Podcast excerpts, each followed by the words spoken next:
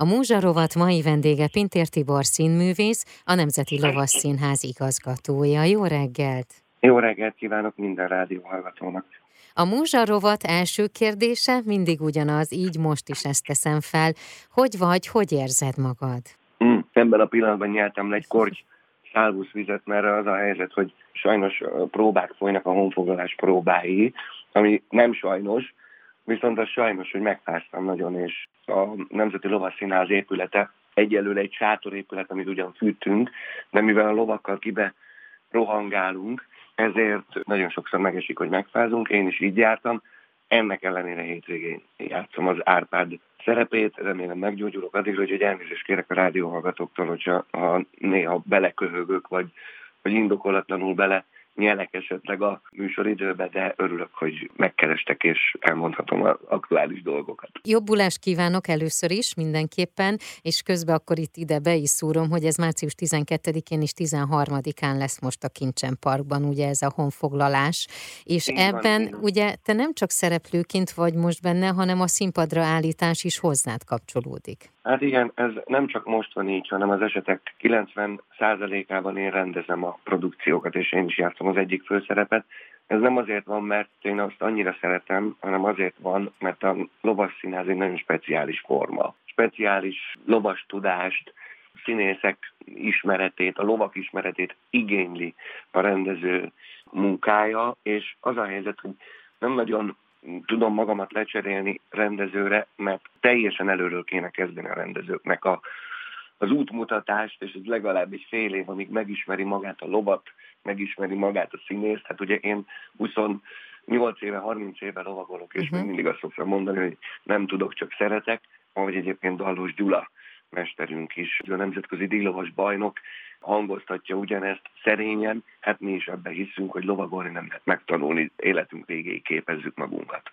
A lovas színészekről te a következőt mondtad, meghallgattam egy interjút, hogy megemeli a muzsikát és a színész lelkét is, aki lovas színész. Így van, tehát valóban így gondolom. A ló egyféle kentaurként összeolvadva az emberrel, a színésszel, ha persze magas szinten űzi a lovaglást és az éneklést, vagy a színészetet, össze tudunk olvadni a lovainkkal, és így valóban tulajdonképpen egy négy lábon járó művészként adjuk elő a produkciót, de ehhez tényleg nagyon jól meg kell tanulni lovagolni.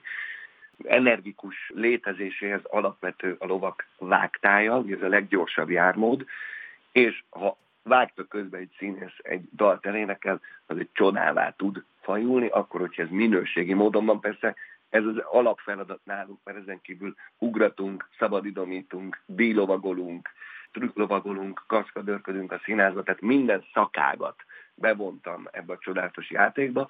Mi musicaleket és operetteket, rockoperákat játszunk. Akkor most viszont az a darab, amit fel fogok hozni, azt majd mondd meg, hogy hova tartozik. Ez az Aladdin, ami majd március 25-én és 26-án lesz látható. Ez musical, ugye?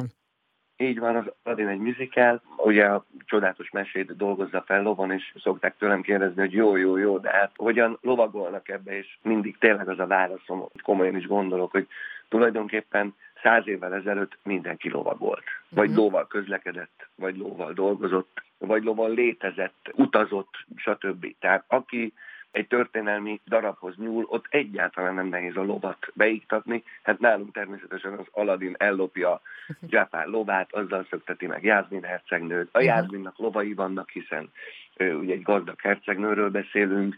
A Jafar és a hadserege lovas katonákból áll, onnan árulom el a titkot, hogy van a produkcióban egy tebe is, akit úgy hívnak, hogy Karcsi, és természetesen az Aladinból nem maradhat ki a tebe, Nemzeti Lovasszínháznak van egy tebé, amit Strabinger Zoli barátom adott nekünk ajándékba egyébként.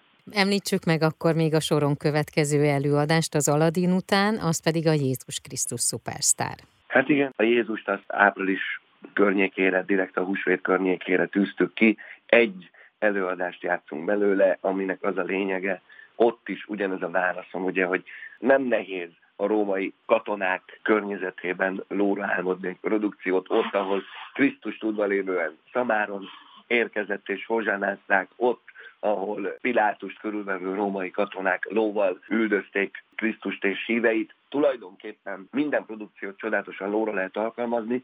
Nyilván a Jézus Krisztus szupersztára a szívem egyik csücske, hiszen ezen nőttem fel. Beszélgessünk a Lovas Színház mellett még arról, ami így az életedben van, és mondjuk nem ehhez kötődik. Van-e ilyen része, és ha igen, akkor ott, ott mi az, ami leköt téged, vagy mi az, amivel foglalkozol? Olyan vagyok, mint Kassai Lajos Hungarikum díjas lovasiász barátom, aki erre azt válaszolná, valószínű, hogy semmi mást nem csinálok, és semmi mást nem érdekel, mint a lovasi jászat. És ezért nagyon együgyűleg hangzik, uh-huh. részemről is talán, ha azt mondom, hogy csak a lovas színház érdekel, mint ahogy Lajos barátommal is mosolygunk ezen, de tulajdonképpen ebben minden benne van, ami, ami az élethez kell. Ugyanis uh-huh. a művészet magas foka, hiszen én operákon nevelkedem és, és hallgatom, és operai szintre képeztetem a színészeim hangját és a sajátomat. Lovaglásba megtaláljuk a szabadságot és minden olyan dolgot,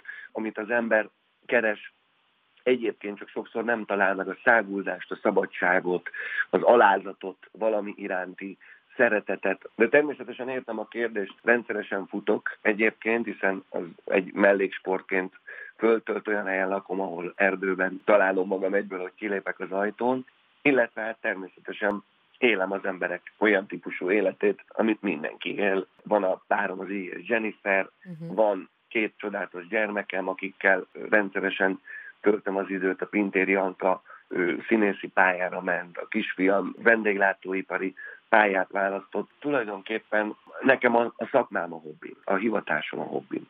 Igen, egyébként akiknek lovai vannak, vagy már elkötelezte magát emellett, az tudja, hogy mennyi feladattal jár, de ezek nem olyan feladatok egyébként, ami teher lenne, hanem hogy mindig egy nagyon-nagyon jó érzés a lovak közelében lenni, vagy kimenni a lovardába, az mindig egy feltöltődés. Igen. Mi az, ami most így előtted áll ezeken a darabokon kívül? Van-e olyan, amire készülsz? Igen. Az a helyzet, itt gyorsan megemlíteném, hogy rengeteg televíziós műsor keres meg, de mindegyiket visszamondom, ezek főleg kereskedelmi tévék, és nem azért, mert esetleg nem tetszenek a műsorok, hanem azért, mert hoztam egy döntést. Uh-huh.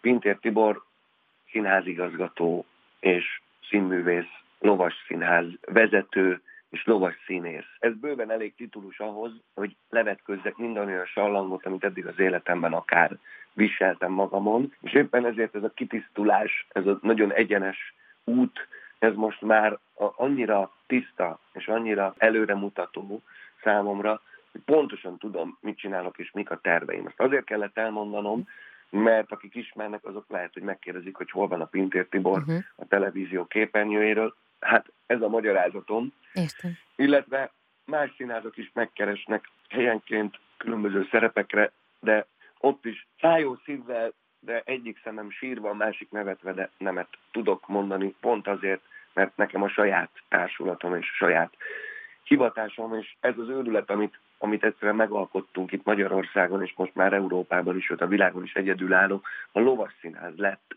az én utam, és mindent efelé terelek, így aztán az álmaim is efelé nyúlnak, uh-huh. és mhm. akkor most válaszolok az eredeti kérdésre. Igen. Elő készítettünk egy nagyon komoly tervet a Nemzeti Lovas Színház új épületével kapcsolatban. Erről részleteket még nem mondhatok el, de annyit igen, hogy régi álmunk válhat valóra az elkövetkezendő két évben, ahol egy rendes kő épület, egy fűthető 1500 fővel rendelkező nézőteres kapacitású, csodálatos, nagy lovas küzdőtér épül fel. Számunkra is ez egy nagyon nagy, nagyon nagy álom, és ezzel függ össze tulajdonképpen maga a lovasszínez jövője, hiszen azt álmodtam meg, hogy a színészeimet le tudjam ültetni egyszer egy asztalhoz, ahol azt tudom mondani, hogy Márk, Mohácsi Márkról beszélek, te mostantól két évre le vagy szerződtetve egy olyan extra magas fizetésért, egy olyan álom létezésért, amiről mindig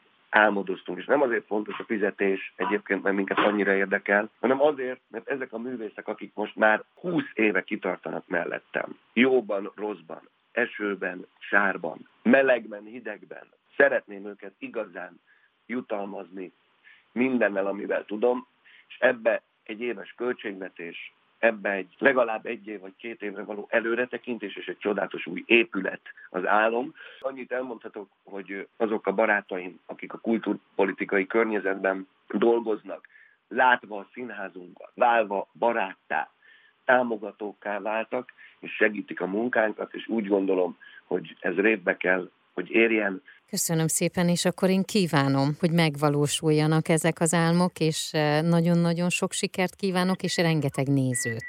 Köszönjük szépen, és nagyon örülök, hogy ezeket elmondhattam. Mindenkit egyébként hadd invitáljak, és természetesen megszólal belőlem a producer a végén a Kincsen Parkba, hiszen azért hadd mondjam el, hogy az egyik álmunk már valóra vált. A Kincsen Parkban van egy fűthető 700 férőhelyes csodálatos erre a célra odaépített sátrunk, ami most már hatodik éve működik, úgyhogy mindenkit szeretettel várunk Budapestre, a Kincsen Parkban, a Nemzeti Lovasszínházba, fantasztikus produkciókkal.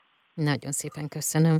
A Múzsarovat mai vendége Pintér Tibor volt, színművész, a Nemzeti Lovasszínház igazgatója.